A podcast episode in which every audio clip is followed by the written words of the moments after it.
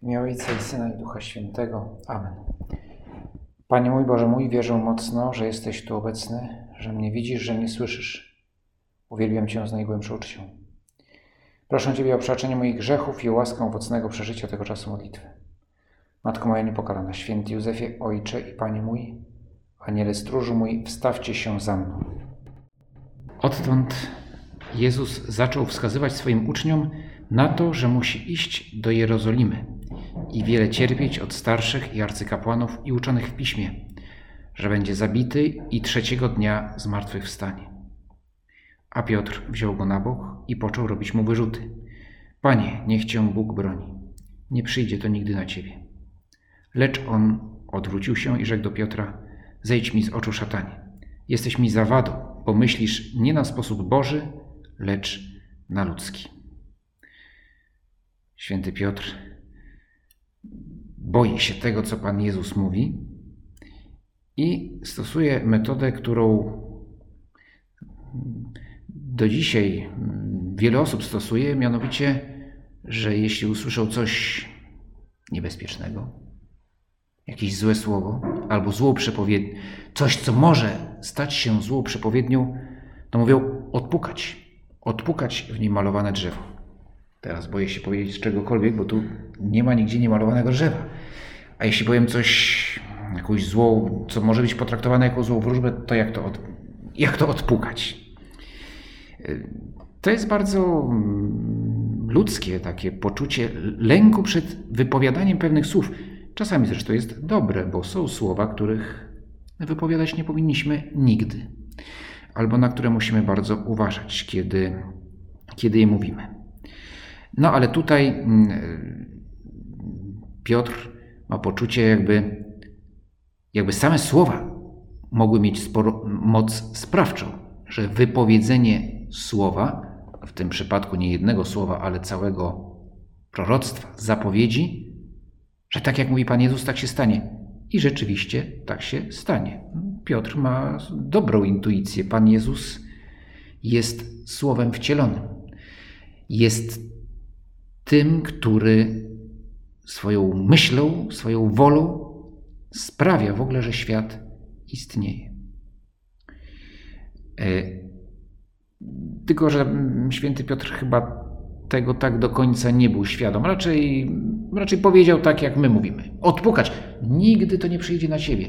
Po co mówić takie straszne słowo? Pamiętam, jest film, się chyba nazywa Szwadron o powstaniu styczniowym, w którym właśnie Moskale chcą zabić chłopca, który pomagał powstańcom. To jest młody Żyd i jego opiekun, starszy Żyd, taki typowy właśnie postać Żyda Polaka, który, który, który staje w walce o wolność ojczyzny, w nią się angażuje ale tutaj chce bronić, chronić tego, tego swojego ucznia i, no i, i, kiedy, i kiedy dowódca Moskali mówi, no trzeba będzie go zabić, zabić, nie mówcie takie straszne słowo, zabić. Tak? Jakby chciał odwrócić, żeby nie wypowiadać tego słowa. W rzeczywistości ostatecznie tego, tego chłopca Moskale zabijają, ale, ale właśnie ten stary Żyd jakby chciał odwrócić los, wymazując słowo.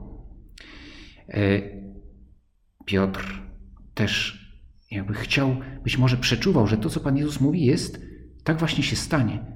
I nie chce, żeby tak się stało, i chce, jakby chciał odwrócić los, odwołując słowa. No, rzeczywiście nie jest rzeczą właściwą, roztropną snuć czarne scenariusze. Być może Piotr tak właśnie postrzegał tak zrozumiał to, co mówi Pan Jezus, że to jest taki czarny scenariusz, jakby Pan Jezus chciał ich ostrzegać, że może się źle potoczyć, że ta historia może się skończyć źle i ich przed tym ich uprzedza. E, I Piotr nie chce słyszeć o czarnych scenariuszach, bo, no bo jeśli będziemy tylko myśleć o tym, że coś nie wyjdzie, to pewnie nie wyjdzie. Istnieją tak zwane prawa Marfiego, które można jest ich wiele, ale, ale jego, u podstawy jest stwierdzenie, jeśli coś się może nie udać, to się nie uda. I potem jeszcze są, jest ono rozwinięte. Jeśli wiesz, że coś może pójść źle i podejmujesz stosowne środki zapobiegawcze, to źle pójdzie co innego. Prawa Marfiego są takim dość ironiczną formą. No, jest w nich pewien fatalizm, tak, że na pewno pójdzie źle. Tak naprawdę mają one raczej charakter są taką radą, żeby być roztropnym, tak? Znaczy, żeby uważać, że rzeczywiście, rzeczywiście mogą się wydarzyć rzeczy nieprzewidziane, e, które nam pokrzyżują plan, plany. E, ale, mm, ale jeżeli e, taki fatalizm nie prowadzi nas do roztropności, ale do tego, że cofamy się przed jakimkolwiek działaniem, dajemy się opanować lęk, lękowi, że, że na pewno się nie uda, że, że jest tyle możliwości niepowodzenia, że lepiej w ogóle nie podejmować tak, żadnego działania, no to taka postawa yy, jest niedobra. Nic nie da się zrobić, jeśli ktoś ma taką postawę. Bez nadziei, również tej ludzkiej nadziei, nie możemy podjąć żadnego sensownego działania, o ile bardziej, jeśli brakuje nam nadziei nadprzyrodzonej. Tylko że to, co mówi Pan Jezus, to nie jest fatalizm. Na pewno się nie uda. To, co mówi Pan Jezus, to jest dokładnie coś przeciwnego. Uda się. Właśnie Wam mówię, że uda się. Że dokonam zbawienia świata. Oddając swoje życie na krzyżu, zwycięży. Panie Jezu, nie jesteś fatalistą. Ty nie idziesz na pewną klęskę, ale idziesz po zwycięstwo. Tylko, że to zwycięstwo ma swoją cenę, bo wszystko, co wielkie i dobre, ma swoją cenę. Im większe, im piękniejsze, im większe jest to dobro, tym większa jest jego cena. To, co dobre i to, co trwałe, ma swoją cenę. Cenę to znaczy, że trzeba podjąć wysiłek, aby to zdobyć. Ty, Panie Jezu, chcesz zdobyć dla nas rzecz największą, najcenniejszą. Chcesz dla nas zdobyć życie wieczne, wyrwać nas z niewoli grzechu. To ma swoją cenę, cenę ogromną. I Ty właśnie o niej mówisz, że to ma tą cenę i Ty gotów jesteś ją zapłacić. Ty gotów jesteś podjąć ten wysiłek, wysiłek tytaniczny, kosmiczny, nawet nie ma przymiotnika odpowiedniego, żeby wyrazić to, co stanie się na krzyżu, żeby opisać, czym było Twoje, Panie Jezu, poświęcenie, czym była Twoja ofiara. Ale jeszcze raz mówię, to nie jest fatalizm, tylko podkreślenie. Ma się stać, chcesz podkreślić, że stanie się coś wielkiego. I ponieważ jest to coś wielkiego, to jest wielkie dobre, największe, to wymaga wielkiego poświęcenia. I kiedy mówisz do Piotra, idź precz szatanie, to te słowa nie są skierowane bez, do Piotra, albo raczej również do Piotra. Ale to nie jest tak, że Pan Jezus chciał go jakoś zbesztać i dlatego użył takiego ostrego określenia. Idź precz szatanie. Pan Jezus to powiedział do szatana, który próbuje posłużyć się Piotrem, aby przestraszyć, aby zniechęcić samego Pana Jezusa. Bo diabeł chce wykorzystać to, co, to, co wie, że istnieje w ludzkiej naturze, lęk przed cierpieniem, przed wysiłkiem, nie tylko przed cierpieniem, ale przed wysiłkiem, przed podejmowaniem wyzwań, których, które mają wielką cenę. Diabeł chce to wykorzystać. Ktoś powie, no ale jak to możliwe? To co, on nie wie, kim jest Pan Jezus? Otóż nie wie. Wtedy jeszcze nie wie. Tak jak nie wiedział, szatan nie był świadom z kim, kogo kusi, z kim walczy na pustyni i tutaj również. To jest osobny temat na osobne rozważanie. Jak to jest możliwe, ale, Ale diabeł co najmniej nie rozumie, że ludzka natura Pana Jezusa jest złączona z naturą boską. I tym samym, że nie da się go zwieść. Szatan działa na ludzką naturę, myśląc, że jest ona, podobnie jak u innych ludzi, podatna na grzech. I Pan Jezus jest poddany pokusie, jak każdy człowiek, ale tę pokusę zawsze pokonuje. I tu już jak żaden człowiek. Więc te słowa są na pierwszym miejscu odrzuceniem pokusy. I, I nas też diabeł próbuje zwodzić w podobny sposób. Skoro próbuje zwodzić Pana Jezusa, tym bardziej nas. Próbuje zwodzić na różne sposoby, między innymi, aby odwieść nas od podejmowania wysiłku. Wmawia nas, nam, okłamuje nam, że można osiągnąć dobro, można osiągnąć szczęście bez wysiłku, czyli bez miłości. I konkretnie, diabeł, który jest ojcem kłamstwa, wykrzywia pojęcie miłości. Starałem, wykrzywiał je zawsze. Teraz widzimy może to w szczególny sposób. Mnóstwo ludzi daje się nabrać na właśnie to wypaczenie, wypaczone pojmowanie miłości, które już w zasadzie niewiele znaczy. Mówi się o niej bez przerwy, ale używa się tego słowa, tylko że ono zostało wyprane z treści. Miłość została sprowadzona. To jest proces, który trwał może, nie wiem, 50, pewnie trochę dłużej niż 50 lat, ale teraz widzimy tego efekty. Miłość pojmowana jako wyłącznie stan emocjonalny, związany z relacją z drugim człowiekiem i nie tylko z człowiekiem, z rzeczami też. Stan emocjonalny, stan przyjemny. Odczułem jakąś przyjemność, czy to zmysłową, czy zadowolenie emocjonalne z powodu relacji, którą nawiązałem z drugą osobą, to wtedy jest miłość. Jeśli tej przyjemności nie odczuwam, to to nie jest miłość.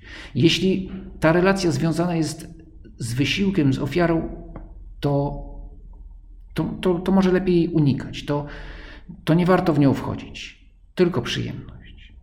Zmysłowa lub emocjonalna, ale, ale do przyjemności miałaby się sprowadzać miłość.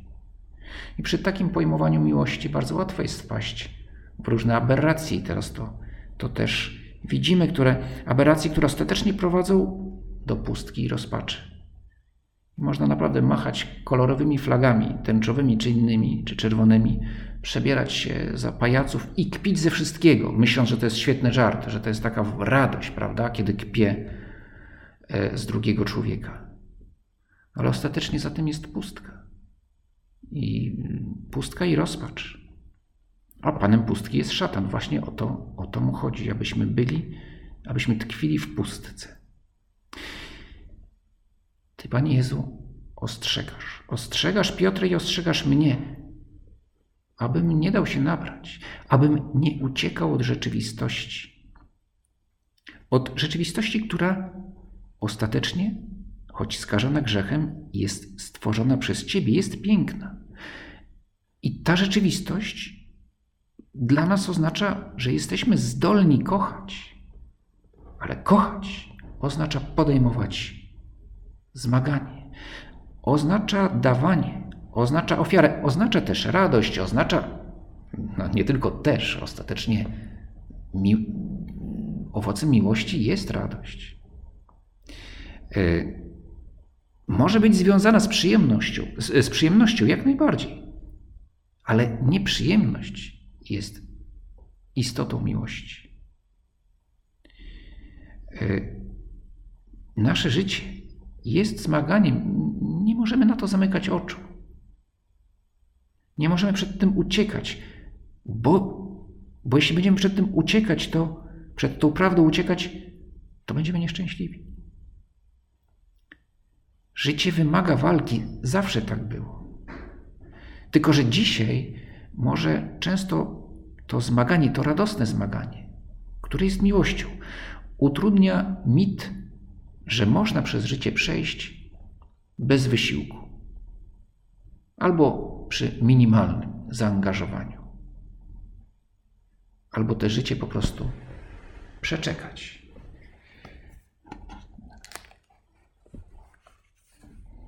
Ostatnio tak mi jakoś mm, zrobił na mnie wrażenie punkt z, z Bruzdy, w którym święty Josemaria mówi tak. Powiedziałeś mi chełpliwie i niepewnie. Jedni się wznoszą, inni upadają, a inni, jak ja, leżymy sobie przy drodze. Zasmuciła mnie Twoja niewrażliwość i dodałem: Leniwych ciągną na, na przyczepkę ci, którzy się wznoszą, i zazwyczaj z jeszcze większą ci siłą ci, którzy upadają. Pomyśl, po jakich niebezpiecznych manowcach chodzisz. Już święty biskup z Hippony przestrzegał, kto nie idzie naprzód, ten się cofa. Jutro obchodzimy wspomnienie świętego Augustyna, dziś jest wspomnienie świętej Moniki, jego matki. Święty Augustyn tą prawdę właśnie wyraził w sposób bardzo, jak to on, lapidarny, syntetyczny i bardzo trafny. Kto nie idzie naprzód, ten się cofa, ale żeby iść naprzód, trzeba podjąć wysiłek. W ostatnich latach rozprzestrzeniła się taka wizja chrześcijaństwa, w którym Pan Jezus jest pluszowym misiem, przytulanką. Można się do niego przytulić, ale jak to miś? Można się do niego przytulić, ale miś od nas nic nie wymaga. Do misia się tylko przytula i jest przyjemnie. Tylko, że pluszowy miś nie da nam zbawienia. Na szczęście, Panie Jezu, nie jesteś pluszowym misiem. Owszem, to Ty nas przytulasz i bardzo często, kiedy jesteśmy słabi, kiedy jest nam ciężko, bierzesz nas w ramiona, podnosisz i mówisz: idź dalej. Ja jestem cały czas przy Tobie. Ale wymagasz. Wymagasz dlatego, że nas kochasz. I chcesz, żebyśmy my też kochali, bo to jest nasze największe szczęście, ale żeby kochać, trzeba podjąć wysiłek, trzeba być gotowym do, do ofiary. Inne słowa świętego Augustyna. Bóg, który stworzył cię bez ciebie, nie zbawi cię bez ciebie. Tak, to Twoja miłość jest darmowa. Stworzyłeś nas, bo chciałeś i zbawisz nas, a raczej zbawiasz nas, bo chcesz. Tylko, że my musimy odpowiedzieć. Musimy odpowiedzieć dlaczego. Dlatego właśnie, że jesteśmy wolni, co może brzmieć trochę, trochę paradoksalnie. Musimy, bo jesteśmy wolni. No ale właśnie to jest ten dar wolności, że jeśli nie odpowiadamy, to, to Ty, Panie Boże, nas do niczego nie zmuszasz. A więc jeśli chcę przyjąć zbawienie, które nam dajesz, to, to muszę odpowiedzieć. Muszę, jeśli chcę, bo jestem wolny. I ponieważ mnie kochasz, traktujesz mnie poważnie. Dajesz mi siłę i równocześnie zapraszasz. Pójdź za mną. Ale to oznacza wysiłek, dawanie. I dopiero wtedy, kiedy jesteśmy gotowi oddać siebie, oddać wszystko, zdobędziemy wszystko. Kiedy oddamy wszystko, ocalimy, co najważniejsze, naszą duszę, która jest istotą nas samych. Wtedy Jezus rzekł do swoich uczniów: Jeśli kto chce pójść za mną, niech się zaprze samego siebie, niech weźmie krzyż swój i niech mnie naśladuje. Bo kto chce zachować swoje życie, straci je a kto straci swe życie z mego powodu, znajdzie je. Cóż bowiem za korzyść odniesie człowiek, choćby cały świat zyskał, a na swej duszy szkodę poniósł? Albo co da człowiek w zamian za swoją duszę? Albowiem Syn Człowieczy przyjdzie w chwale Ojca swego razem z aniołami swoimi i wtedy odda każdemu według jego postępowania. Inny film opowiadający historię jeszcze wcześniejszą, historię prawdziwą, historię świętego Tomasza Morusa. Film nosi tytuł Głowa zdrajcy, jest oparta na, na, na, na, prawdziwej historii tego wielkiego świętego, który za swoją wierność papieżowi i kościołowi zostaje oskarżony o zdradę, której, której wcale się nie dopuścił. Jest to fałszywe oskarżenie. I oto stoi przed swoimi sędziami i słucha oskarżeń. Wśród oskarżycieli jest niejaki Richard Rich, który był jego uczniem i jego przyjacielem, który zawdzięczał Morusowi bardzo wiele. I oto Rich go zdradził i zeznaje fałszywie przeciwko Morusowi. Wtedy Morus, który jest cały czas szanowany, prawda? był kanclerzem króla Henryka VIII, więc e, mimo, że stoi przed sądem, to jednak wszyscy czują wobec niego respekt. I mówi, przepraszam, chciałbym zadać pytanie oskarżycielowi. No, sędziowie mówią, proszę bardzo, proszę, proszę, proszę pytać. Tomasz Morus podchodzi do, do Richa, który oczywiście widać jest zaniepokojony i spuszcza wzrok. E, jest, e, no, bo wie, że jest zdrajcą i co więcej zdradził człowieka, który mu tak bardzo ufał. I Morus się go pyta, cóż to za odznacze, odznakę nosisz na szyi? Rzeczywiście na szyi Richa jest łańcuch z, jakimś, z jakąś odznaką. No wtedy on się wypina do mnie i mówi, to jest odznaka prokuratora, prokuratora Walii. Wysoki urząd XVI-wiecznej Anglii. Na co Tomasz Morus mówi, nie ma takiej ceny. Nie ma czegoś, za co można byłoby, nic nie jest warte tego, aby sprzedać swoją duszę. Nic. Żaden skarb, żaden urząd nie jest wart tego, aby utracić duszę. Ale ty za prokuratora Walii? Trzeba wiedzieć, że Walia była uważana za prowincję, mm, no taką pośrednią prowincję królestwa, i prokurator Walii był to urząd wysoki, ale bynajmniej nie najbardziej szanowany. Co ciekawe, Rich później zrobił karierę i został kanclerzem. Objął urząd, ten sam urząd, który piastował wcześniej Tomasz Morus. I jako jeden z niewielu bohaterów tej historii zmarł śmiercią naturalną. Większość, yy, również i tych, którzy, którzy stanęli po stronie króla, przeciwko Tomaszowi Morusowi, może nie większość, ale wielu z nich również zginęło pod toporem kata. Ale ostatecznie, mimo że Rich zyskał, wydawało się po ludzku wszystko, no, nie wiemy, czy, zas, czy stracił swą duszę. Może modlitwa i wstawiennictwo świętego Tomasza uratowało ostatecznie. Może się nawrócił. Tego nie wiemy. Ale tam, na sali sądowej, stracił swoją duszę. I świętego Tomasza Morusa czcimy jako świętego, właśnie jako świętego. A Rich jest postacią żałosną, mimo że został kanclerzem królestwa. Nie ma takiej, takiej wartości, za którą moglibyśmy, za którą warto byłoby oddać, utracić swoją duszę. I o tym nam mówisz, Panie Jezu, w tej historii, którą usłyszymy w najbliższą niedzielę.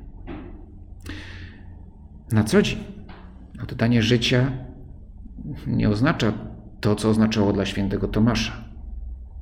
Na co dzień oddawać życie to poświęcić czas na modlitwę, to poświęcić czas dla naszych bliźnich.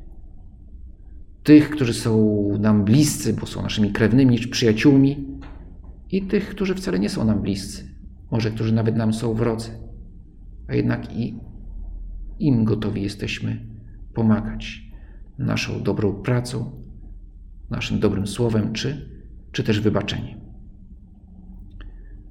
Rozważaliśmy to tydzień czy dwa tygodnie temu, mówiąc o świętym Maksymilianie Kolbe, który właśnie swe życie oddał, ale oddawał całe, przez całe swoje życie oddawał życie.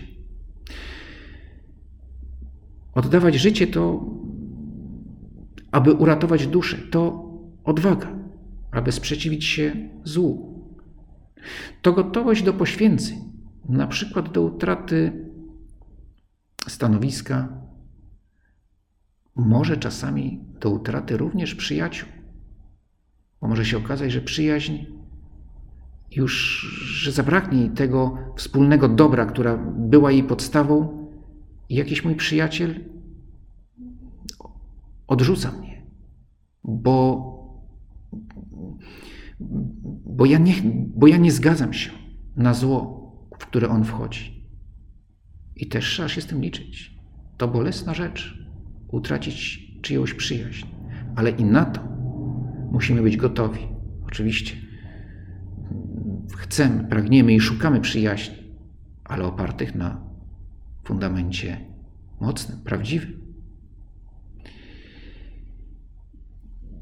Jeśli każą mi kłamać, czy postępować wbrew mojemu sumieniu, ja się na to nie zgadzam, nawet jeśli mam za to zapłacić wysoką cenę. Historia również z Anglii, ale już nie z XVI, ale z XX wieku. Zdarzyło się to kilkanaście lat temu. E, opowiadał mi jeden znajomy, że właśnie znał e, absolwenta koledżu, który, który chciał studiować medycynę na Oksfordzie, prestiżowa, prestiżowa uczelnia. Miał świetne wyniki i jak najbardziej no, miał, miał, miał szansę się tam dostać. Niemalże pewność. Ale w rozmowie kwalifikacyjnej patrzono nie tylko na jego wyniki, ale również na jego postawę mm, moralną. Bardzo dobrze. Uważam, że jak najbardziej należy, jak ktoś chce studiować, szczególnie jeżeli ktoś chce studiować medycynę, no to, to, to jest ważne pytanie. Problem polega na tym, że ci, którzy je zadawali, mieli wykrzywione mniemanie o moralności. I zapytali się go, czy jest chrześcijaninem. On powiedział, tak, jestem chrześcijaninem. Czy masz zamiar się kierować e, swoimi przekonaniami moralnymi, religijnymi w Twojej pracy?